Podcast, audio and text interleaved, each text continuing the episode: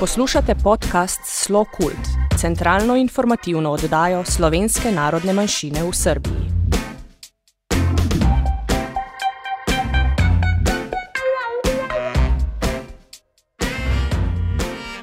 Dragi poslušalci, lepo pozdravljeni! Poslušate drugo oddajo podcasta Slo Kult, ki je zamišljen kot centralna informativna oddaja, namenjena članom slovenske skupnosti v Srbiji, slovencem po svetu in v Matici, kot tudi vsem zainteresiranim za slovensko kulturo in sodobno ustvarjalnost slovenske manjšine v Srbiji. V oddajah se bomo ukvarjali z aktualnimi temami v Srbiji in Sloveniji, z napovedjo dogodkov z področja kulture in se pogovarjali z relevantnimi osebami o temah, povezanih s Slovenci v Srbiji, Matici in po svetu. V današnji oddaji se posvečamo ažurnim informacijam glede potovanj in postopkov za prečkanje meja, aktualnim dogodkom v slovenski narodni manjšini in se pogovarjamo s Tatjano Bukvič, učiteljico dopolnilnega pouka slovenskega jezika v Srbiji. Pomembne aktualne informacije. Veleposlaništvo obratuje po ustaljenem urniku. Stranke sprejemajo vsak dan od 10. do 12. ure, vendar s predhodno najavo in določenim terminom. Ob ponedeljkih, torkih in četrtkih potekajo vročitve dovoljen za prebivanje ter zajemi prstnih odtisov. Ob sredah sprejem vlog za osebne dokumente in vročanje le teh, ob četrtkih pa ostala konzularna opravila, overitve, vizumi in podobno. Stranke z naročenim terminom morajo na veleposlaništvo priti ob točno določeni uri. Zbiranje in postajanje pred veleposlaništvom je prepovedano. Vsak mora upoštevati navodila varnostne službe, nositi osebno zaščitno opremo in si pred vstopom v prostore veleposlaništva dobro razkužiti roke. Po odloku številka 83, objavljenem v uradnem listu, lahko v Slovenijo vstopajo vsi državljani evropskih držav ter držav članic šengenskega območja, imetniki dovoljen za začasno ali stalno prebivanje ter ožji družinski člani. Vsi, ki vstopijo v Slovenijo in niso na seznamu varnih držav, ki ga je objavil Nacionalni institut za javno zdravje, morajo v obvezno samoizolacijo, karanteno. Karanteni se izognejo tisti, ki spadajo v kategorijo izjem, ki so navedene v desetem članu tega odloka. Testiranje za vstop v Slovenijo ni potrebno in tudi ne pripomore k izogibu samoizolacije. Za tranzit čez Hrvaško in Mačarsko je potrebno vprašati pristojna veleposlaništva. Po naših podatkih je tranzit čez vse države mogoč, če potnik izkaže namen potovanja in potrdilo, da mu bo omogočen vstop v ciljno državo. Letališča v Sloveniji in Srbiji obratujejo normalno. Potrebno pa je upoštevati vsa navodila in varnostne ukrepe, ki jih imajo letališča. Upoštevanje varnostne razdalje, osebna zaščitna oprema in podobno. Odgovore je pripravil Primoš Križaj, konzul veleposlaništva Republike Slovenije v Beogradu, za kar se mu iskreno zahvaljujemo. Ker se situacija tako z vidika posameznih držav kot v globalnem smislu še vedno nepredvidljivo spreminja, vam priporočamo, da v primeru načrtovanja poti aktualno stanje preverite na spletni strani Veleposlaništva Slovenije v Beogradu. Kultura. V soboto 13. junija je potekala sedma redna seja Nacionalnega sveta slovenske narodne manjšine, ki je predstavljala tudi prvo neposredno srečanje članov Nacionalnega sveta po nastopu pandemije. Glavni temi sestanka sta bili nova vizija delovanja Nacionalnega sveta in slovenskih društev v letu 2020 in kasneje, ter prihajajoči popis prebivalstva, ki je napovedan za leto 2021. Društvo slovencev Kredarica iz Novega Sada vas vabi k sodelovanju na literarnem natečaju z naslovom Takrat smo bili otroci, ki so imeli sonce v očeh, ki so ga pripravili ob 70-letnici smrti slovenskega pisatelja Prežihovega Voranca.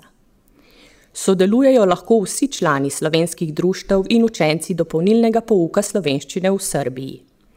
Besedila, pesem, zgodba ali esej – naj bodo zapisana v slovenskem jeziku. Razpis je odprt do 1. julija.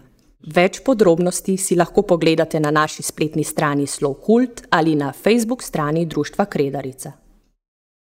Združenje Slovenska izseljenska matica je razpisalo literarni natečaj za kratke zgodbe, namenjen slovencem v zamejstvu in po svetu. Tematsko izhodišče razpisa je Vino ljubezni in solze smeha. Udeleženci pa temu lahko dodajo svoj naslov po izbiri. Kratke zgodbe morajo biti napisane v slovenskem, izjemoma tudi v angleškem ali španskem jeziku. Natečaj je odprt do 15. novembra 2020, vse dodatne informacije pa si tudi tokrat lahko pogledate na naših spletnih straneh. Obveščamo vas, da je letošnje tradicionalno vse slovensko srečanje zaradi aktualnega razvoja dogodkov v zvezi s pandemijo COVID-19 žal odpovedano, kar velja tako za srečanje predstavnikov v državnem zboru, kot družabni del srečanja, ki naj bi letos sicer potekal v Ribnici. Intervju. Gostja naše druge oddaje je učiteljica slovenskega jezika v Društvu slovencev v Beogradu, Društvu Sava, gospa Tatjana Bukvič. Naša ljuba Tatjana je že skoraj deset let učiteljica dopolnilnega pouka slovenščine v Beogradu, pa tudi v Smederovu, Kostolcu in Nišu, kjer poučuje slovenski jezik in kulturo za otroke in odrasle člane slovenskih društev. Ko je bilo v marcu uvedeno izredno stanje v Srbiji, kje si bila v tem času? Pred razglasitvijo pandemije koronavirusa sem bila v Srbiji, na svojem delovnem mestu, v Beogradu. Eh, redno sem spremljala poročila o tem, kaj se dogaja v Sloveniji in seveda v Srbiji. Eh, čeprav je bila v Beogradu situacija takrat mirnejša, eh, obolelih je bilo še malo, sem bila seveda v velikih skrbeh. Eh, od doma so prihajala resna opozorila o nevarnosti okužbe. Eh, domači in vsi prijatelji so me klicali in mi svetovali, naj se vrnem domov. Eh, ker pa sem čutila veliko obvezo do učencev, sem tako ostala v Beogradu do 16. marca, ko so uradno objavili, da se zapirajo šole in meje, takrat pa sem odpotovala. Kakšna je bila situacija v Sloveniji, glede na to, da si čas pandemije preživela v Ljubljani? Slovenija je v času mojega prihoda že uveljavila stroga pravila, kako se samo zaščitno obnašati, da bi se prenašanje, šir, eh, da bi se prenašanje eh, virusa omejilo. Tako sem na lastno željo ostala doma kar cele tri tedne in v tem času se nisem družila z nikomer, le redko sem šla v trgovino.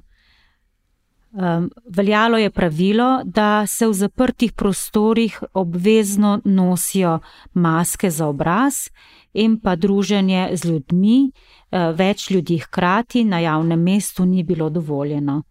Tako nekako so živeli tudi drugi slovenci. Večina je ostala doma uh, in opravljala delo od doma ceste in ulice so bile prazne, eh, živeli smo ob zvokih narave, poslušali petje ptic in v nekem blagodejnem miru in tišini. Življenje se je nekako vsaj na vzven ustavilo in lahko smo se posvetili sebi, tisti, ki so živeli z družino, pa tudi svojim dragim.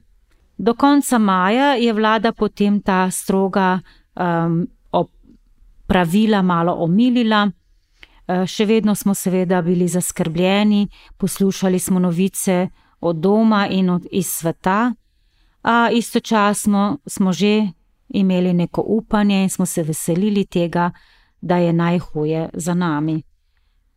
Počasi smo se potem začeli vračati v normalo, odprle so se meje in tudi sama sem se napotila proti Srbiji tako da sem se v začetku junija vrnila v Beograd. Učitelji slovenščine ste se hitro odzvali in organizirali učenje jezika nadaljavo.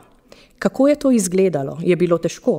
Kdo vse je pri tem sodeloval? Um, po zgledu kolegov iz rednih šol uh, smo se tudi učitelji slovenščine po Evropi odločili za pouk nadaljavo. Med seboj smo si pomagali, izmenjali smo si izkušnje, gradiva, si svetovali, A v Srbiji se je pouka nadaljavo eh, najprej lotila učiteljica Milena Spremo. Njenemu zgledu smo potem sledili še ostali, skupaj smo se povezali Rud Zlobec, Zoran Jovičič in jaz. In uh, po manjših začetnih tehničnih težavah smo uh, na spletnih straneh pod naslovom Pouk Srbija začeli objavljati delo za samostojno učenje. O tem smo, smo obvestili učence, in um, odziv je bil že na začetku kar velik. Uh, učenci so lahko izbirali naloge za utrjevanje slovnice, lahko so brali slovenske književnike, našli kakšen predlog za ogled filma, risanke, uh, lahko so si ogledali virtualni prikaz muzejev po Sloveniji, reševali križanke in še mnogo drugih vsebin. Učitelji smo se trudili, da je lahko vsak našel kaj zase, Eh, primernega svojemu znanju, te, temu, kar ga zanima. Eh, trudili smo se, da so bile naloge zabavne in aktualne, eh, učitelji pa smo jih pri tem spodbujali, vračali jim naloge s popravki, jih motivirali za delo za naprej, jih pohvalili, tako da smo bili v rednem kontaktu. Se je odzvalo veliko učencev, ste bili učitelji zadovoljni? Ja, odziv je bil pričakovan. Uh, v delo se niso vključili vsi, kar je seveda čisto razumljivo. Uh, ljudje so imeli tudi svoje delo, uh, vsi smo bili malo pod stresom, a še vedno je bilo reševalcev nalog dovolj, da lahko zdaj na koncu rečemo, da smo bili uspešni. Mi smo zadovoljni. Uh, jaz sama sem bila najbolj vesela mladih in otrok. Eh, najmlajši so reševali bolj enostavne naloge ali so kaj narisali, eh, lahko so se tudi naučili pesmico. Eh, tisti, ki so se redno oglašali, so javljali, da so jim naloge všeč, da radi rešujejo, da niso pretežke, so pa seveda brez izjeme vsi na koncu tudi dodali, da pogrešajo naše druženje, naš ta osebni stik, ki ga imamo, kadar smo skupaj v učilnici. Kako pa si ti osebno doživela ta način poučevanja, prednosti, slabosti? Uh, ja, prednosti vidim dve. Najprej mogoče pač to dejstvo, da je bil to edini način, kako se povezati z učenci in hkrati, seveda, uh, nadaljevati z učenjem. Uh, druga pa ta, da so si učenci lahko iz velikega nabora nalog sami izbrali tisto, kar jim odgovarja. Eh, in tudi reševali v času in, in takrat, in toliko časa, kot je njim odgovarjalo. To je gotovo prednost. Velika slabost pa je v pomankanju tega osebnega stika, na katerega so upozarjali že učenci, ko so se javljali eh, preko spleta. Večkrat poudarimo učitelji, da pouk med izseljenci ni le učenje jezika, suhoparno, golo je učenje je to, tudi, je to tudi priložnost za tkanje nekih vezi, prijateljstva, za ohranjanje neke kulture, identitete. In um, učenci, ki se zdaj že nekaj let redno udeležujejo pouka, so med seboj postali prijatelji. Uh, oni se veselijo tudi tega, da se srečajo, da se vidijo, da se družijo. Um, To so ure, eh, to so trenutki, ko, se, eh, ko si izmenjamo razne izkušnje, neka doživetja, obojamo skupne spomine, in vsega tega nadaljavo, seveda, ni. Čez poletje so počitnice tudi za učence slovenskega jezika. Prepričana sem, da so si tebe in učenja učenci zaželeli in da težko čakajo na ponovno snidanje v septembru. Ali pričakuješ, da se bo učenje nadaljavo nadaljevalo tudi v novem šolskem letu? Ob zaključku šolskega leta smo si priznali, eh, da smo pogrešali učenje in druženje, bližino. Ehm, to je dobra stvar, dobra novica in je to tudi popotnica za čas, ko se bomo spet srečali, ker se bomo toliko bolj veseli. Od septembra dalje bo tekel puk, tako kot smo že navajeni, po starih tirih in v živo. Eh, tako smo navajeni in tak način učenja smo pogrešali. Eh, čeprav so opozorila o še prisotni nevarnosti okužbe z virusom in ta opozorila so kar glasna, stalna, sem sama optimistka. Eh, verjamem, da bodo razmere v jeseni eh, dovolj varne za vse nas, da bomo lahko spet sedli v, skupaj v šolske klopi. Draga Tatjana, hvala ti za ta intervju, da si bila danes med nami. Hvala za tvoj optimizem. Veseli smo, da si tudi naša, da si z nami in nas vidijo v septembru. Hvala lepa.